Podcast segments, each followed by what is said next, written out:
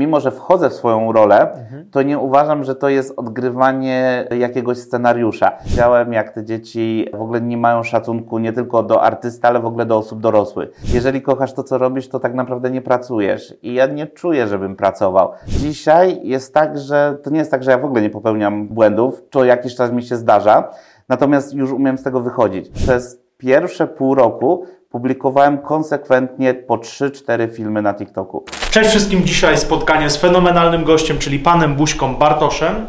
Cześć Bartosz. Z czego Cześć. ty jesteś najbardziej znany? Dobrze robię laskę na scenie. Chcesz zobaczyć? No co ty, nie, nie, nie. Czekaj. Eee, nieźle, kurczę, fajne, fajne. Oglądajcie.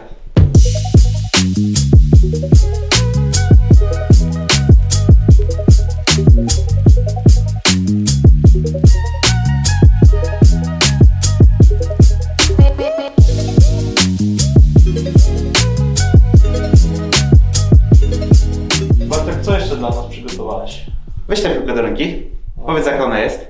Miękka, Jaka jeszcze? mokra, Jaka jeszcze? czerwona. Jaka jeszcze? nie wiem już, no. Magiczna.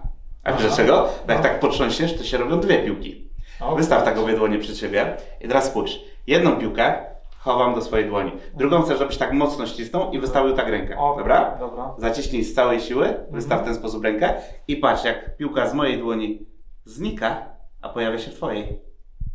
O kurczę. No, Magic. dobra. Ja jestem zszokowany.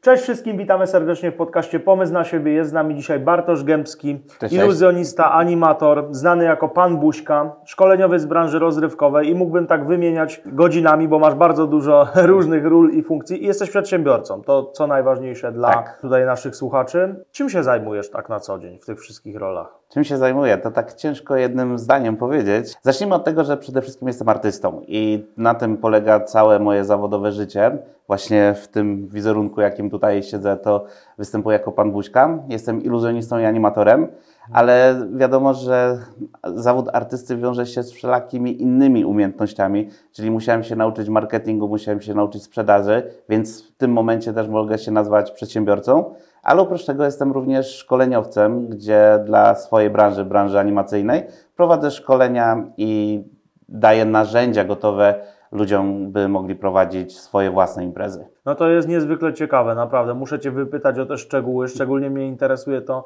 co Ty myślisz o osobach, które uczą marketingu, a same niespecjalnie w tym marketingu sobie radzą, bo Ty jesteś w tym naprawdę dobry, bo mimo, że działasz 15 lat, to szybko się wybiłeś bardzo, bo te Twoje liczby zaskakują na TikToku czy, czy na innych portalach po prostu, no bo to się przeniosło, wiadomo. W czym ten Twój sukces tkwi? Ja bym nie powiedział, że się szybko wybiłem, tak szczerze mówiąc. Może sama platforma TikTok dała mi faktycznie taki, takiego mocnego kopa, jak chodzi o popularność, ale uważam, że przez to, że 15 lat to robiłem, to ten TikTok mi zaskoczył. Gdybym ja w momencie założenia TikToka dopiero stał się panem Buźką, to jestem prawie, że pewien, że, że te liczby by się nie pojawiły.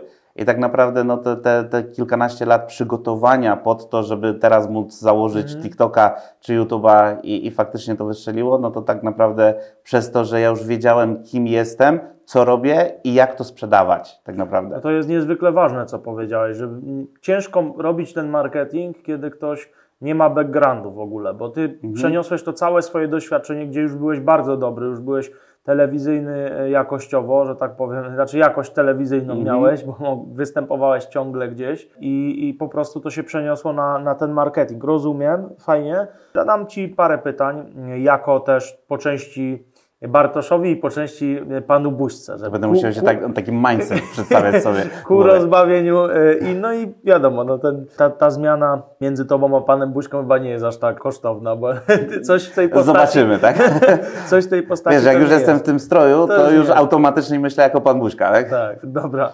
Czy pan Buźka ma smutniejsze dni i co go martwi? Pan Buźka czy ja jako prywatnie, Bartosz? Tak i tak. Tak i tak, no to jako Bartosz oczywiście mam złe dni i gdzieś tam gorsze momenty. Chyba jednym z takich najbardziej przytłaczających to były ostatnie wydarzenia, czyli pandemia. No pierwsze pół roku tej pandemii, no to byłem taki naprawdę zmarnowany, bo ani występów, ani szkoleń, nic, nic nie można było organizować. Więc tak, to był ciężki okres. Jako pan Buźka nigdy nie miewam złych momentów, dlatego że nie mogę mieć złych momentów, po prostu. Wtedy wchodzę w ten strój i nawet jeżeli prywatnie mam gorszy dzień, to zakładając strój, wychodząc na scenę, ja nie mogę po prostu tego pokazać. Ja jestem po to, po to mi płacą, że ja mam rozbawić ludzi, mam wprawić w dobry nastrój innych, więc no, ja nie mogę po prostu pokazać, że, że mam gorszy dzień czy jakieś problemy. Okej. Sposoby na poprawę nastroju od pana Buźki dla naszych słuchaczy. Czyli, czy, czekaj, czyli e, mam teraz Jak rozbawić poprawi- e, naszych pop- oglądaczy? Nie, jak, po, jak sami sobie mogą poprawić nastrój? Oprócz oglądania oczywiście pana Buźki. No to właśnie chciałem to powiedzieć. Jak mogą sobie poprawić nastrój? Wydaje mi się, że jego to jest tak ciężkie, dlatego że każdemu poprawia co innego nastrój. Mi na przykład osobiście poprawia nastrój muzyka. Gdzieś tam zawsze prywatnie jestem wielkim fanem muzyki, e, różnych gatunków muzycznych. Natomiast jak, jak faktycznie mam jakiś problem, jakiś, jakiegoś doła, to włączam sobie ulubioną płytę i to mi zawsze poprawi humor. Także Okej. nie wiem, stosujcie to też. Muzyka jest lekiem na całe zło. No też, też mam taki sposób. Najładniejsza kobieta w show biznesie? Takich pytań się nie spodziewałem. W Polsce czy na świecie? Może być tu i tu. Tu i tu. Jejku, a kto będzie oglądał ten wywiad? No to wiesz, może dotrzeć do kogoś. Dobrze, to powiem na świecie, bo w Polsce ciężko mi powiedzieć. Ja kiedyś od, od zawsze moim takim crashem, tak się teraz mówi, moim crashem była Nelly Furtado. I nie wiem, czy kojarzysz taką piosenkarkę. Tak, tak, oczywiście. Tak, kojarzę. to, to ona gdzieś tam była taką osobą, która faktycznie za dzieciaka zawsze uwielbiałem jej teledyski, Tak? uwielbiałem na nią patrzeć, miałem gdzieś tam plakat Nelly Furtado, także Mhm. chyba ją bym wskazał. Okej. No Nelly nas ogląda regularnie, komentuje. super. Także, To także, czekam, e, razem wystąpimy na scenie. Myślę, że się zgadacie na jakąś kawkę tam w Los Angeles. Dobra. Najmilsze wspomnienie z klientem? Klientem? No z klientem e, po prostu, albo z publiką, tą, którą masz zwykle. Wydaje mi się, że może powiem tak, nie najmilsze, ale takie najbardziej edukacyjne dla mnie i takie najbardziej wartościowe. To była sytuacja taka, to muszę tutaj powiedzieć, że wydałem trzy książki, bo to z tym będzie związane tak naprawdę. I pierwszą książką była ta oto książka, Muzyka, Mikrofon, Akcja. To jest książka poradnik dla animatorów i tak naprawdę tutaj przekazuję swoją wiedzę, jak mają organizować takie imprezy. I któregoś razu byłem na pokazie dla dzieci. Dzieci przyszły dosyć tłumnie i była jedna dziewczynka, która trzymała tę książkę w ręku. Co mnie zastanowiło, ponieważ to nie jest książka dla dzieci. I tak się zacząłem zastanawiać, dlaczego ona ją ma. Podchodzę później do jej mamy, no i mówię, że no wie pani co, ja jestem zdziwiony, że, że córka ma tę książkę, no bo ona miała 7 lat, z tego co pamiętam, i miała właśnie tę książkę, a jej mama mówi w ten sposób, tak, wiem, ona nic nie rozumie z tej książki, ale ona bardzo chciała tę książkę mieć, bo na okładce jest pan Buźka i poprosiła babcię o to, żeby kupiła jej na urodziny. I to było dla mnie z jednej strony bardzo miłe, a z drugiej strony bardzo smutne, ponieważ uświadomiłem sobie, że nie mam żadnego produktu dla dzieci. Mimo, że jestem ich idolem, to one nie mogą mieć czegoś, co od Pana Buźki, tak? czegoś fizycznego. I to mnie skłoniło do tego, żeby tworzyć produkt dla dzieci. No i tak powstała właśnie oto ta książka, czyli Pan Buźka w świecie iluzji optycznych. I to jest książka w pełni dla dzieci i no i cóż, i to jest właśnie ta historia, która, która pokazuje, że czegoś mnie to nauczyło, tak? I bardzo zapamiętałem tę historię. Także może ona nie jest najśmieszniejsza, ale dla mnie jest bardzo ważna. Okej, no i fajnie, Mhm. że powiedzieliśmy o tych e, książkach, ponieważ one, a zresztą zobaczycie, jak zostaniecie z nami do końca. Pan. Buźka, a raczej Bartosz powie Wam co i jak później. Dobra, najgorsze wspomnienie. O, to tak, to, to, to zdecydowanie nie muszę długo myśleć. Jakiś czas temu robiłem urodzinki. Tak zwany byłem magikiem, którego można było zaprosić na urodziny dla dzieci. To jeszcze było przed TikTokiem, przed, przed całą całym tym fejmem powiedzmy. No i ja lubiłem te imprezy, bo, bo faktycznie można było przyjść do kogoś tak bardzo kameralnie e, nawiązać relacje z tymi dziećmi i, i gdzieś tam sprawdzałem się w tym. Długie lata to robiłem, ale w pewnym momencie zaczęło mnie to męczyć. Nie wiem, czy to dzieci się zmieniły, czy to ja już się powiedzmy e, zdziadziałem, ale była sytuacja taka, kiedy przychodziłem na urodziny i od samego początku widziałem, jak te dzieci w ogóle nie mają szacunku nie tylko do artysty, ale w ogóle do osób dorosłych. Tylko przekroczyłem próg mieszkania, dzieciaki zaczęły mnie popychać, zaczęły mnie jakoś kopać, szarpać, no, no masakra straszna, ale mówię, okej, dobra, zrobić swoje, wyjść, tak? Poszliśmy do salonu, gdzie miał się odbyć pokaz, no i rozpocząłem swoje, swoje show. Dzieciaki były nie do wytrzymania, naprawdę. Tak jak ja staram się nie mówić tak o, o, o dzieciach, ale to były no po prostu potwory, dosłownie. Mhm. Nie mogły wysiedzieć na miejscu, hałasowały, przeszkadzały, w ogóle dogadywały e, takie naprawdę chamskie czasami teksty. Rodzice siedzą na kanapie obok i nic. I po prostu śmieją się, myślą, że tak ma to wyglądać. Pierwszy raz zwróciłem uwagę tak konwencji swojej, czyli tak na śmiesznie. Nic to nie pomogło. Drugi raz to samo. Trzeci raz już powiedziałem ostrzej, że halo, ja nie mogę prowadzić swojego pokazu, może byście się uspokoiły trochę. Nic to nie dało. Aż w końcu jubilat, który był najgorszy z nich wszystkich, podszedł do mnie w momencie wykonywania jednego triku, wyrwał mi rekwizyt, odkrył sekret tego rekwizytu, no i zaczął mnie nazywać oszustem. I wszystkie dzieciaki to podłapały i mówiły oszust, oszust. No i to już, że tak powiem, miarka się przebrała, ponieważ nie mogłem już kontynuować tego pokazu. Cokolwiek bym nie pokazał nowego, No tak. to już bym był oszustem. Dlatego powiedziałem, że kończę pokaz ja nawet nie chcę zapłaty za ten pokaz. Po prostu wychodzę i pierwszy raz w życiu nie dokończyłem pokazu, bo tak źle się czułem na czasie jego trwania. Mhm. I faktycznie wyszedłem i wtedy powiedziałem sobie, że nigdy więcej już nie zrobię urodzin. No i tak było. A to było dawno? To było ze 4 lata temu. 4 lata temu, no to już tak troszeczkę. A w jakim wieku te dzieci były? Nie wiem dokładnie, nie pamiętam, ale to był przedział między 8 a 10 lat. Aha, Jakoś tak. ale nie zniechęciło Cię to jakoś do... Nie, nie, nie, bo ja kocham pokazy, ja kocham No. występować przed dziećmi, tylko Mhm. po prostu urodziny to jest taki niewdzięczny temat, Tak? gdzie dzieci są na swoim terenie, są w swoim środowisku. Jubilat jest tą osobą, której wszystko wolno, ponieważ to jest jego święto i gdzieś tam ma to wkładane do głowy, że dzisiaj ci wszystko wolno. Stwierdziłem, nie, już się nie nadaję na urodzinki, Tak? co było pozytywnym krokiem, ponieważ tak naprawdę już powiedziałem, że ja robię tylko i wyłącznie duże sceny, festiwale, pikniki, Tak? tego typu rzeczy. No i faktycznie zrezygnowałem całkowicie z urodzin. Okej, fajnie, dopytam Cię e, o to później. Czy ktoś kiedyś e, źle zareagował na Pana Bushka? No właśnie, ta historia to pokazuje. To, to raczej to w ogóle był brak szacunku, jakieś totalne odklejenie. Ja nie potrafię sobie wyobrazić to do rodziców tutaj. No, ale, ale tak mówię ogólnie gdzieś tam, że po prostu nie wiem, coś, coś takiego, czy nie, nie było już takich E, sytuacji. ciężko mi przypomnieć jakąś Tak? jedną taką Okej. konkretną. No, czasami Dobra. się zdarza w ten sposób, że jeżeli ktoś mnie faktycznie nie zna, to, to głównie wśród młodzieży, czy można to zauważyć, którzy myślą, że jestem takim infantylnym właśnie klaunem, coś w tym stylu. Aha, ale tak? to może online bardziej E, chyba, nie? No właśnie nie online, czasami Nie? na żywo tak było. Aha, Ale to było kwestia, to jest pierwsze wrażenie tak naprawdę.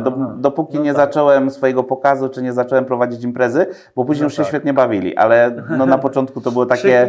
O co chodzi? chyba i takie bycie charakterystyczne, I wtedy jeszcze nie była taka popularność na TikToku, bo teraz jak widzę z kolei nastolatki, no to to jest zdjęcie, autograf i, i że tak powiem, jestem ich idolem, tak? Ale wcześniej to, to było faktycznie Właśnie tak. ty odczuwasz bardzo mocno popularność swoją, bo zaczynasz być coraz popularniejszy. U młodszych odbiorców bardzo mocną, u starszych mniejszą, ponieważ no dorośli aż tak nie siedzą na TikToku, więc no jasne, że mnie kojarzą niektórzy z nich, ale to na pewno nie jest tak jak wśród dzieci. W tej chwili e, ja się śmieję tak, że trochę czuję się jak podsiadło na Narodowym, kiedy wychodzę na scenę, ponieważ gdziekolwiek bym nie występował w całej Polsce, zawsze jak wychodzę, to 90% dzieciaków mnie doskonale kojarzy. A jakie były twoje początki? Ciężko było z tymi pierwszymi pokazami 15 lat temu? No ciężko, jak sobie Była przypomnę... mniejsza świadomość tego chyba też, nie? Jakaś tam. Tak, no przede wszystkim ja robiłem tyle błędów na początku, gdzie jak ja sobie przypomnę, jak wyglądały kiedyś moje pokazy, to się łapię za głowę i mówię, jak ja mogłem coś takiego pokazywać i brać za to pieniądze w ogóle. To jest najlepsze. Ale no, gdzieś tam konsultacje z innymi iluzjonistami, jakieś nasze zloty, zdobywanie tej wiedzy, poszerzanie tego wszystkiego, no pozwoliło mi wykształcić swoją własną postać, swój własny charakter tego pokazu, gdzie ja cały czas mówię, że ja się cały czas uczę, bo to nie jest proces skończony. To jest tak, że ja cały czas się rozwijam, cały czas mam nowe pomysły, gdzieś tam powoli to wdrażam do tego, ale, ale na pewno jest dużo, dużo lepiej niż było na początku. Mhm. A to skąd się tak u Ciebie to wzięło akurat? No bo wiesz, ludzie czasami interesują się tym, żeby zostać strażakiem, czasami chcą zostać pielęgniarką, politykiem, czy tam sprzedawcą w żabce w sklepie, czy gdziekolwiek, a ty chciałeś zostać od początku iluzjonistą i animatorem? Chyba tak. Tak? Chyba tak, dlatego że Ile pamiętam. miałeś lat wtedy? w ogóle? Sześć. I pamiętam Aha. sytuację taką. Pamiętam, jak w wieku sześciu lat oglądałem chyba najbardziej znanego iluzjonistę na świecie, czyli Davida Copperfielda. Z zapartym tchem oglądałem to, co pokazywał na ekranie i już wtedy byłem zafascynowany tym. Poprosiłem wtedy na urodziny rodziców o zestaw takich magików. To oczywiście na tamte czasy to była straszna tandeta, ale to było coś takiego, że dla mnie wow, mam skarbnicę wiedzy do tego, żeby zostać potężnym iluzjonistą. I gdzieś tam to się zaszczepiło we mnie, ponieważ pierwsze pokazy robiłem dla swoich rodziców w salonie. Pamiętam jak z koca robiłem kurtynę, jak robiłem sobie jakąś czapkę z papieru, żeby, żeby mieć taki cylinder. Także to były moje pierwsze pokazy. No i, i faktycznie miałem wtedy 6 lat i ta iluzja cały czas we mnie tkwiła, cały czas to poszerzałem. No i, i siłą rzeczy, jak tylko, nie wiem, mogłem za to brać pieniądze, to zacząłem brać za to pieniądze. Jak ten pierwszy pokaz wyglądał już później, nie, nie dla rodziców w salonie, chociaż to też musiało być fajne. No to Ale było taki- super, bo taki- ja wtedy się no. świetnie bawiłem. Natomiast ten płatny pokaz, no to tak jak mówię, to, to była tragedia z dzisiejszej perspektywy oczywiście. Mhm, Aczkolwiek to też trzeba zaznaczyć, że wtedy dużej konkurencji nie było. Te kilkanaście lat temu magików było jeszcze mniej niż jest dzisiaj, a i tak uważam, że jest bardzo mało. Także ludzie nawet nie wiedzieli, czego się spodziewać. Oni tak. pierwszy raz w życiu prawdopodobnie zamawiali im magika Mhm. i to były właśnie urodzinki, żeby, żeby było śmieszniej, Aha. bo ja zaczynałem od urodzin. Także no, gdzieś tam nadrabiałem swoją charyzmą niż umiejętnościami, tak bym powiedział. Okej, i jakie to warunki były? To były takie uro... jakieś urodziny, tak? Tak, to się przychodziło do klienta, do Aha. prywatnego mieszkania. Aha. W salonie dzieciaki siadały na dywanie. Aha. Ja rozkładałem walizkę, no i, i pokazywałem coś, gdzie się tam nauczyłem. Znaczy, ja bardzo źle robiłem i, i oczywiście teraz mam tego świadomość i teraz się trochę tego wstydzę, ponieważ to było, wyglądało tak, że się kupował jakiś rekwizyt, zobaczyłem jak on działa i ja nie ćwiczyłem z tym rekwizytem. To nie jest tak, że ja spędziłem godzinę przed lustrem, ćwiczyłem, tylko ja po prostu, a, to tak działa? Okej, no to pokazuję. I, i, i nie wolno tak robić. I dzisiaj innym iluzjonistom mi powiedział, że absolutnie tak, tak nie robimy. Natomiast no, sam gdzieś tam te błędy Ale popełniałem. ten rynek się rozwinął od tego czasu, czy niewiele? Bardzo mocno. Bardzo mocno, aczkolwiek to i tak jeszcze raczkuje ten rynek. W porównaniu do, nie wiem, Wielkiej Brytanii czy w ogóle Stanów Zjednoczonych, no to raczkujemy, ale jest coraz lepiej. Z roku na rok powstają książki w języku polskim, co jeszcze jak ja zaczynałem, było abstrakcją, nie było żadnej książki o iluzji w języku polskim. Teraz na szczęście coraz więcej się tego pojawia. Pojawiają się szkolenia dla iluzjonistów, pojawiają się zloty dla iluzjonistów. Nawet mamy własną wigilię. Także też się spotykamy gdzieś tam w naszym gronie i, i po prostu świętujemy naszą branżową wigilię. Te pokazy, które robisz teraz, to powiedziałeś, że to są jakieś duże sceny, festiwale, to jak to w tym momencie wygląda? O co pytasz? Bo tak naprawdę występuję tam, gdzie mnie zaproszą i... i... No na pewne rzeczy pewnie się zgadzasz, na pewne nie zgadzasz, więc... No nie zgadzam się już na urodzinki, więc jeżeli ktoś by chciał mnie, a co jakiś czas, gdzieś tam takie zapytanie, czy telefon jest o urodziny, no to na to się już nie zgadzam. Natomiast mm, występuję też w szkołach, występuję też w domach kultury. Natomiast mówię o eventach, no to są głównie firmowe eventy, są też jakieś festiwale, ale to głównie w lecie. Jak są jakieś plenerówki, no to tego jest bardzo dużo. Mhm. A opowiedziałbyś o jakichś wpadkach na takich rezach? Albo ze strony twojej, albo ze strony tej publiki? Powiedzmy z takich eventów wpadkach. Tych wpadek było dużo, tylko ja nie wiem, czy one są tak, takie spektakularne, żeby o nich opowiedzieć. Mhm. Ponieważ jasne, że, że miałem wpadki na scenie, że coś mi nie wyszło, że, że coś mi upadło, a nie powinno. To są E, drobne rzeczy raczej. To są drobne rzeczy. Co więcej, to jest tak, że kiedyś bardzo mnie to stresowało, jak coś mi nie wyszło na, na scenie. Dzisiaj jest tak, że to nie jest tak, że ja w ogóle nie popełniam błędów, to jakiś czas mi się zdarza. Natomiast już umiem z tego wychodzić. Już umiem tak to ograć, że widz myśli, że to jest tak specjalnie, że to był żart, że to był jakiś gag i umiem to fajnie ograć. Natomiast no, kiedyś mnie to gdzieś tam paraliżowało i najchętniej to bym się zapadł pod tę scenę.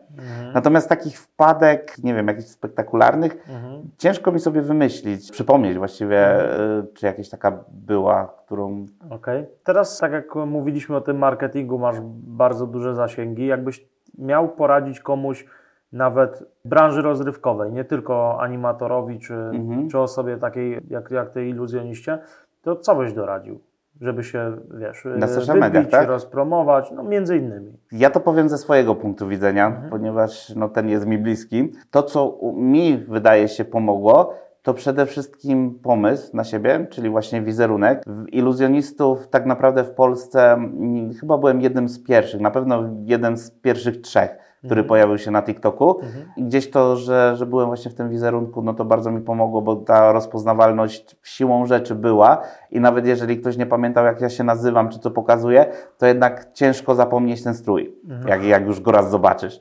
Więc na pewno zadbanie o wizerunek, o, albo nawet nie tyle wizerunek, coś, co wyróżnia Ciebie. To może być jakieś konkretne powiedzenie, które w każdym swoim filmie mówisz. To może być jakiś rekwizyt, który masz, coś, co to na pewno Cię wyróżni. To jest bardzo pomocne. A druga rzecz to jest konsekwencja, tak mi się wydaje. Ponieważ wydaje mi się, że przez to, że, że osiągnąłem ten sukces, znaczy sukces, ja nie wiem, czy to jest sukces, to są po prostu duże liczby, tak?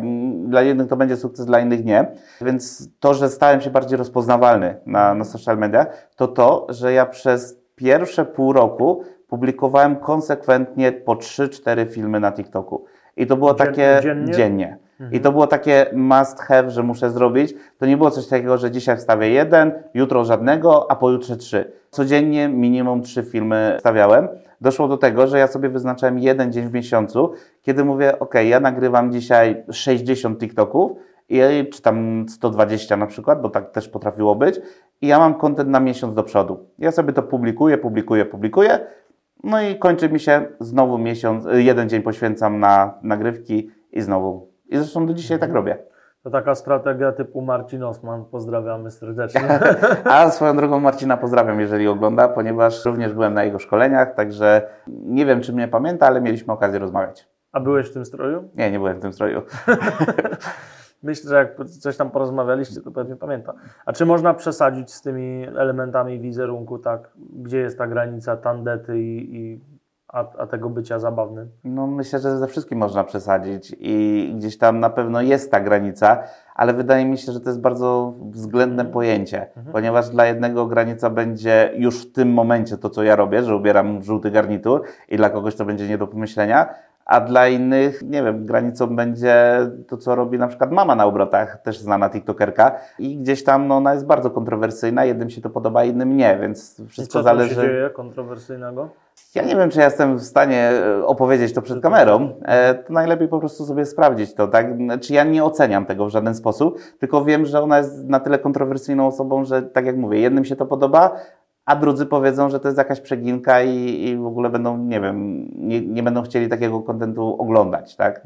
Więc wydaje mi się, że to jest po prostu względna Ty znalazłeś w tym taki swój smak, a widzisz jak inni przesadzają, że na przykład ty już twierdzisz, że to byś nie poszedł, na przykład z twojej branży albo z show biznesu. Tak, tak, zdecydowanie tak. Tylko tak jak mówię, no ja nie wiem, czy ja chciałbym rzucać nazwiskami tutaj. No, nazwi- E, od nazwiska nie proszę, tylko takie przykłady, no bo teraz chciałbym się postawić w sytuacji, kiedy zaczyna ktoś akurat z tej branży. Ja nie jestem iluzjonistą, więc nie wiem, jak to jest zaczynać w tej branży. Mhm. No i wiesz, i chciałby sobie dopasować jakiś tam wizerunek, a nie chciałby też ubierać żółtego stroju, żeby stać się drugim panem buźką, bo się już nie da. Mhm. Więc wiemy, że trzeba być charakterystycznym, jakiś strój, jakieś powiedzenie. Znaczy ja nie e, mówię, coś że, takiego, że musi, to jest fajne na pewno. nie mówię, że musi być strój, Mhm, tak? no, bo, przykład, bo nie? Element nie, jakiś, nie? Tak, nie trzeba być charakterystycznym i wyróżniać się tylko strojem, bo ktoś może Oczywiście. po prostu być w t-shircie i też będzie charakterystyczny, Jasne. prawda? Natomiast wydaje mi się, że na przykład taką przesadą, to zauważam na, u niektórych na, na, na pokazach, którzy robią pokazy również familijne, czyli tam, gdzie są dzieci,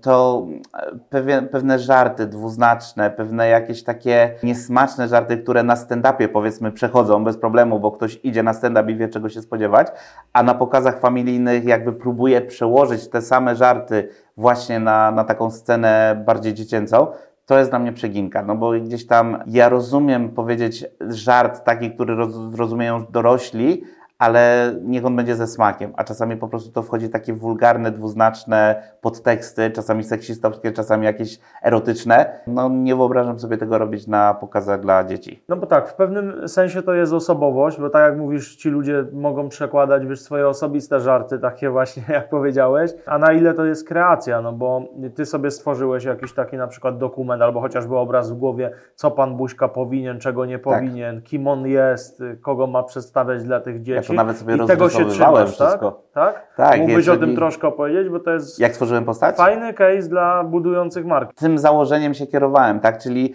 wziąłem sobie kiedyś kartkę, podzieliłem ją sobie na kilka części. Z jednej strony napisałem, jaki chcę, żeby był Pan Buźka, czyli jak ma się wypowiadać, jak, jakich słów używać, co mu wolno, czego nie wolno, co jest takie na pograniczu, jakie ma na przykład tiki, jakie ma ruch, gesty sceniczne, tego typu rzeczy. Ja to kiedyś bardzo mocno rozpisywałem, ponieważ e, chciałem, żeby Pan Buźka był taką pełnokrwistą postacią.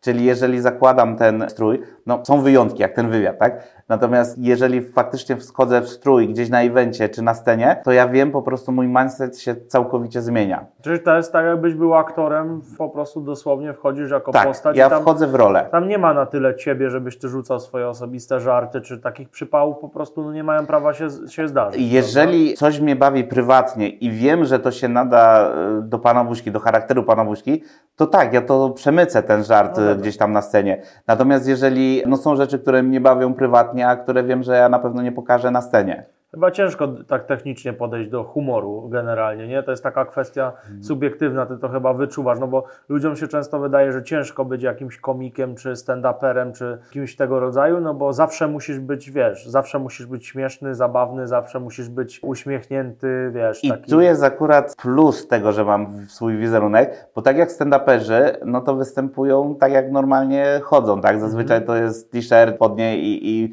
i tak jak się na co dzień ubierają, tak? Więc kiedy spotkasz stand-upera czy komika na mieście, oczekujesz, że on będzie śmieszny, mimo że wcale tak nie jest, że oni, to też oni wchodzą w rolę wtedy, ale ludzie normalnie tacy, no nie mają tego, tej świadomości, oni myślą, że oni są zawsze śmieszni. No i oni mają często, bo też słyszałem, Abelard Giza chyba kiedyś o tym opowiadał, jak faktycznie ludzie oczekują, że on nagle będzie z żartami z rękawa sypał, tak? To tak nie działa. Dlatego u mnie jest ten strój plusem, ponieważ jak ja zdejmuję strój i się ubiorę prywatnie, nikt ode mnie tego nie oczekuje. Ja wchodzę w postać, no i wtedy gdzieś tam inne myślenie się załącza. A jeśli chodzi o ambicje na zagraniczny rynek, jakieś są, czy Polacy za granicą? Albo ja nie czuję potrzeby występowania za granicą, szczerze mówiąc, bo ja bym musiał tam zbudować sobie rynek, na co e, szczerze troszkę mi się nie chce, trochę nie mam czasu na to i tak jak mówię, nie czuję potrzeby. Uważam, że w Polsce jest tak dużo pracy, tak, dużo, tak duży rynek jest dla, dla iluzjonistów, że, że pracy nie zabraknie. Nie wiem, mogę Ci zadać takie pytanie, jak Ci się wydaje, ilu iluzjonistów w Polsce jest, którzy utrzymują się tylko z iluzji? Ja nie mówię, że tam hobbystycznie coś tam robią, tylko faktycznie jest to ich zawód i utrzymują się z iluzji. Jaka to jest liczba? No myślę, że tak, żeby się utrzymać z tego dobrze, no to pewnie to jest jakieś 50 osób. Około setki. Więc sam widzisz, na 40 milionów Polaków 100 osób to jest mikro nisza tak naprawdę. Ale Więc- odbiorców jest bardzo dużo na to, tak mi się wydaje. Dokładnie. Więc tak jak mówię, a zwłaszcza, że iluzja z każdym rokiem jest coraz bardziej popularna. Między innymi właśnie przez Mam Talent, jak ludzie widzą iluzjonistów Mam Talent. Przez TikToka, gdzie też popularyzujemy tę sztukę. No to więc, tak, tak. więc gdzieś tam zainteresowanie rośnie, a iluzjonistów wcale nie przybywa w takim wiesz, szybkim tempie. Aha. To jest tak trudny zawód, że ich nie przybywa? Dlaczego? Ludziom się wydaje, że to jest trudny zawód, wiesz? Aha. A ja zawsze mówię, że iluzja jest sztuką jak każda inna. Aha. Powiesz, czy gra na gitarze jest trudna? Jak się jeżeli- nauczysz, to... Jak się nauczysz, tak? Tylko ileś godzin, ileś tygodni czy miesięcy trzeba poświęcić na naukę. Tak się rozglądasz. Nie, wydawało mi się, że po prostu y, syreny niebieskie, ale to chyba twoja czapka odbija, wiesz? Nie Tak? Że jadą po mnie, tak? No wiesz, no w Jest, takim stroju. byłeś, byłeś zbyt zabawny i przyjechali, no. Tak. Czekaj, bo zgubiłem wątek. Mówiłem, a, to jest jak gru na gitarze, tak? Czyli no trzeba ileś czasu poświęcić, tak samo w iluzji, no trzeba ileś czasu poświęcić, żeby się tego nauczyć, wyskilować się. I jasne, że mamy osoby grające na gitarze, które grają lepiej i które grają wybitnie. I są takie, które grają, tylko brzdąkają na gitarze. No No, i w iluzji jest dokładnie tak samo. Masz wybitne osoby, masz takie, które robią to bardzo dobrze, a masz takie, które mm, powinny zmienić zawód. I gdzie byś siebie po prostu tutaj umiejscowił? Na pewno nie jestem wybitny, na pewno nie jestem najlepszy i absolutnie nie, nie ośmielę się powiedzieć, że, że gdzieś tam jestem w czołówce polskich iluzjonistów, bo wcale nie.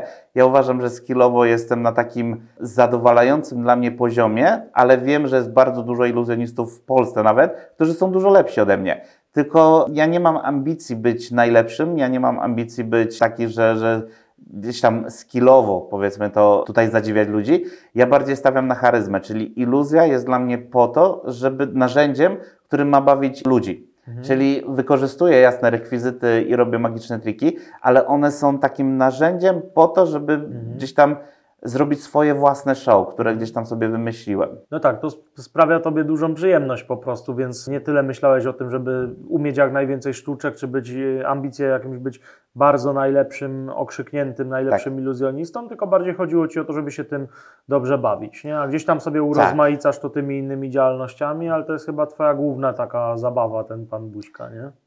No zdecydowanie. No to jest, pan Buźka to wiesz, to nie praca, to styl życia. w każdym razie wiesz, jeszcze Tak. kwestia, bo to też jest dosyć istotne, tak jak mówiłeś, że nie staram się być najlepszym i, i nie, nie umieć jak najwięcej sztuczek. Absolutnie nie, a znam takich, którzy mają ambicje być najlepszym i codziennie ćwiczą, mimo że już są na takim mistrzowskim poziomie, jak chodzi o polskie warunki. Natomiast też trzeba rozgraniczyć, że iluzja ma bardzo wiele gałęzi. Czyli możesz być, mm, w Polsce mamy duże spektrum iluzjonistów.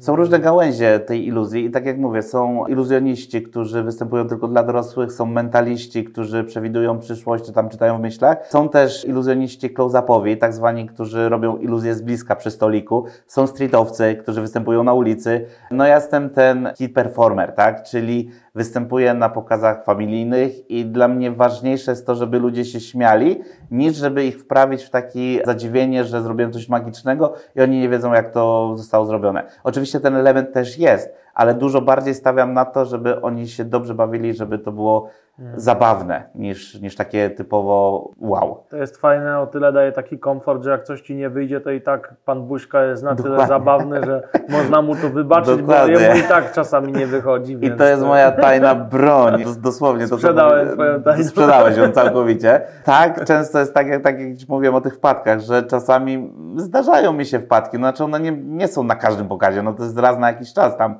Natomiast jak już będzie jakaś wpadka, to ja to tak go grywam, że to jest specjalnie i ludzie myślą, że Tu się potkniesz. dokładnie, że to miało być tak specjalnie. Mhm. Także na to, ja mogę sobie na to pozwolić, a osoba taka, wiesz, klasyczny iluzjonista dla dorosłych, w smokingu czy coś, no on sobie na to nie może pozwolić. Nie bardzo, bo to będzie już takie te, trochę, trochę nie na miejscu, nie? Tak. E, Twoja praca się łączy, wiąże raczej z tym, że łączysz wystąpienia publiczne, trochę też występy przed kamerą. Mógłbyś dać od siebie jakąś poradę, jak ty sobie z tym radziłeś, żeby nauczyć się przede wszystkim przed kamerą, nauczyć się mm, występować przed ludźmi.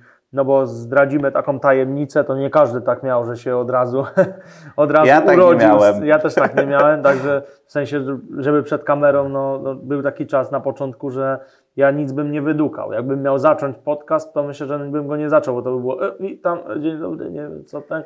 Oj, ja to znam tak bardzo z autopsji. Poza kamerą pytałeś mnie, czy ta moja umiejętność bycia na scenie przekłada się na kamerę i tak naprawdę to, że występowałem przed dużą publiką, to powinienem mieć łatwiejszy start przed kamerą. Ja uważam, że tak bardzo to się nie przekłada, że to są tak dwie różne, totalnie inne rzeczy. Przynajmniej w moim przypadku jest tak. Nie wiem, jakoś występy na scenie mogę stanąć w tym momencie przed tysięczną publiką i nie mam żadnego stresu. Wręcz przeciwnie, mnie to nakręca, się czuję jak ryba w wodzie i mnie cieszy to, że wystarczy, że ja powiem jakiś fajny żart i cała sala tłumnie się śmieje. Mnie to nakręca, ja to kocham. Także tutaj nie mam żadnych oporów. Ale jak pamiętam moje pierwsze wystąpienia przed kamerą, to, to była tragedia.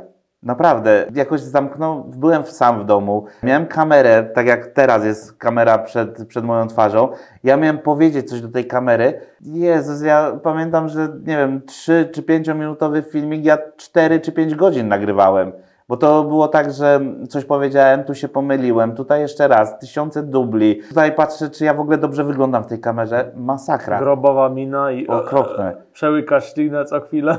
Dokładnie tak było. Wiesz, teraz jest o tyle fajnie, bo jesteś ty, prawda? Więc możemy sobie rozmawiać, jest na luzie. Znaczy, gdzieś tam przez te lata już, przez ten TikTok, przez, e, przez ten YouTube, no już, już nie mam takich oporów, już mogę bez problemu mówić do kamery.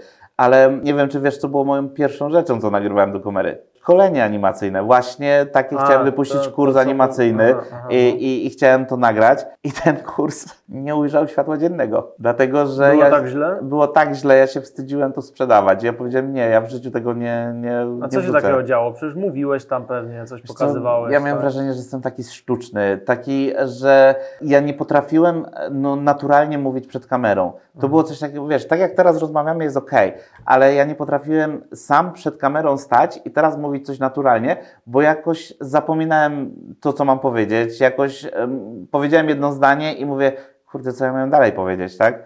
I to była masakra. To jak na randce w wieku 15 lat z dziewczyną. Gorzej. Tam to jeszcze jakoś wychodziło, bo tam się sztuczkę pokazało i było spoko, a tutaj to wiesz. Tak podrywałeś kiedyś? No, Na sztuczki, oczywiście, że nie? No. Ale wiesz, było No. coś takiego, że stara... ja się uczyłem tych tekstów na pamięć i wiesz, ja dukałem to, byleby powiedzieć i ja w głowie miałem jedną myśl, byle dokończyć, byle dokończyć, byle dokończyć, żeby zrobić cięcie. Nie wiesz, co mówisz, tylko taki wierszyk. Nie? Tak, i ja autentycznie odcinałem myślenie od tego, co mówiłem. No, no masakra. Tak się nie nauczysz na pewno mówić, ale no, wygląda to w kamerze, jakbyś wiedział, co mówisz, nie? Ale ja jak na to Ale patrzyłem, mówię, tego, nie? o Jezu, nie, nie, nie chcę tego, bo po prostu bałem się, że ludzie mnie zlinczują, że coś takiego im sprzedaję. Mimo, że gdzieś tam jak pokazywałem to komuś, no to powiedział, nie, nie, źle, jak na pierwszy raz jest super. To ja miałem takie poczucie, nie, absolutnie Trochę nie. inne standardy obrałeś, nie? No Tak. pewnie, że tak jak nieraz oglądamy jakieś swoje stare nagrania czy szkolenia, to się aż śmieje, bo tam człowiek blady mówi coś tam No. po cichu, wiesz, ledwo słychać. Ja nawet, o Boże, teraz sobie przypomniałem, ja nawet kiedyś ten vloga prowadziłem, no, jako, jako prywatnie, jako Bartek, tak? Aha. Nie, nie nadaje się do Vloga vlogowania. czy vlog? Vloga. Vloga. Na, na YouTubie, Aha. wiesz, nie jako Pan Buźka, tylko na Normalnie. zasadzie moja codzienność, co dzisiaj No, robię no. i tak dalej. Właściwie pandemia mnie zmusiła do tego, żebym Aha. ja bardziej przed kamerą zaczął występować. Aha. I, I chyba ten vlog był takim pierwszym, na samym początku tej pandemii. Wtedy go założyłeś? Tak, ale wytrzymałem tydzień i stwierdziłem, nie, to, to jest nie dla mnie. Ja mogę Mhm. jako pan Buźka faktycznie przed kamerą robić jakieś fajne, krótkie, krótką formę, czyli jakąś sztuczkę pokazać, coś, coś zabawnego i tak dalej, to Mhm. spoko. Ale jakąś taką długą formę, nie, przepraszam, to, to bym skłamał. Pierwszą moją formą była, byli ci zanimowani, czyli ten wywiad, który No tak, robiłem, to tak, jeszcze było tak. przed pandemią. Ale o tyle było łatwiej, że tam była rozmowa. Czyli ja No. nie byłem ja i kamera i muszę gadać, tylko tam po prostu rozmawiałem z ludźmi. No, kamera samemu przypomina taki wykład trochę, bo, bo tak faktycznie tak jest, że jak się nagrywa samemu, to, to trzeba za dwóch tam robić. No. Mm, I jeszcze ten, no. jeszcze wiesz, jesteś przyzwyczajony do na scenie, że powiesz żart, publika się śmieje, masz te reakcje. No, ja też tak. mam ten żółty strój, więc jak wychodzę tylko na scenę, ja już widzę uśmiechy wśród ludzi i to jest taka energia, którą dostaję, takiego kopa, jeszcze nic nie powiem, nic nie zrobię, ale Tak. to jest taki power do działania. A przed kamerą, jak ja nie widzę reakcji drugiego człowieka, nie wiem, czy on się zaśmieje, czy on się żenuje tym, co ja teraz mówię, No tak. to jest takie... Dodatkowo, na żywo nie masz cięć. No. Nie możesz zrobić dubla. Tam jak powiesz, tak jak zrobisz, tam idzie i, i koniec, tak? A w kamerze masz świadomość tego, że mogę to nagrać lepiej, mogę to zrobić jeszcze raz. Mam możliwość powtarzania tego w nieskończoność, Tak. aż będzie dobrze. I mając tę świadomość, chcesz być perfekcjonistą i chcesz, żeby to było jak najlepiej i to jest tak zgubne. No. Ja zazdroszczę tym ludziom, a często sam korzystałem z jakichś szkoleń online'owych, gdzie oni po prostu stają przed kamerą i po prostu mówią tak naturalnie, pomylili się, no to trudno, no pomylili się, zaśmiali się z tej pomyłki, lecieli dalej.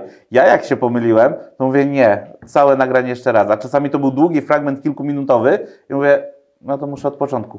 I to No. była tragedia. Jest tak, no to prawda. Ja przygotowując się do tej naszej rozmowy, przejrzałem Twoją stronę internetową i cały czas się praktycznie śmiałem, więc jestem w stanie uwierzyć, że ktoś, jeżeli Ty wchodzisz na scenę, to od razu się śmieje, bo tam zróbmy coś żółtego, czy tam, że jesteś żółtoksiężnikiem. Naprawdę mnie to bawiło jak dziecko. Korzystając z okazji, mamy coś dla naszych widzów specjalnego, czyli trzy Twoje książki. Świetny Mikołaj, czyli jak zarabiać jako święty Mikołaj, jak prowadzić imprezy muzyczno, muzyczno-taneczne dla dzieci, czyli muzyka, mikrofon, akcja oraz dla Waszych pociech Pan Buźka w świecie iluzji optycznych. Bardzo fajna, przeglądałem, polecam. Co trzeba zrobić, żeby taki pakiet książek wybrać? Aby wygrać ten specjalny pakiet od Pana Buźki, co trzeba zrobić? Wydaje mi się, że każdy z naszych oglądających, czy w ogóle ludzi, widział kiedyś chociaż jedną magiczną sztuczkę, czy to na żywo, czy w telewizji. No ja bym chciał dowiedzieć się, która z tych sztuczek wywarła na Was największe wrażenie, tak? Czyli to może być sztuczka karciana, to może być jakaś sceniczna sztuczka, cokolwiek, coś, co zapamięta, zapamiętaliście i było dla Was to magicznym przeżyciem. I opiszcie po prostu tę sztuczkę. Jeżeli napiszecie, jakie emocje towarzyszyły Wam podczas oglądania tej sztuczki, no to ta osoba, która najbardziej mnie ujmie, powiedzmy, tą argumentacją, dostaje te trzy książki ode mnie. Ekstra, bardzo fajnie, także wiecie już co macie zrobić, napisać to, to w komentarzu, o czym Bartosz powiedział. Mam takie bardzo trudne pytanie, które możecie A do tej pory były łatwe?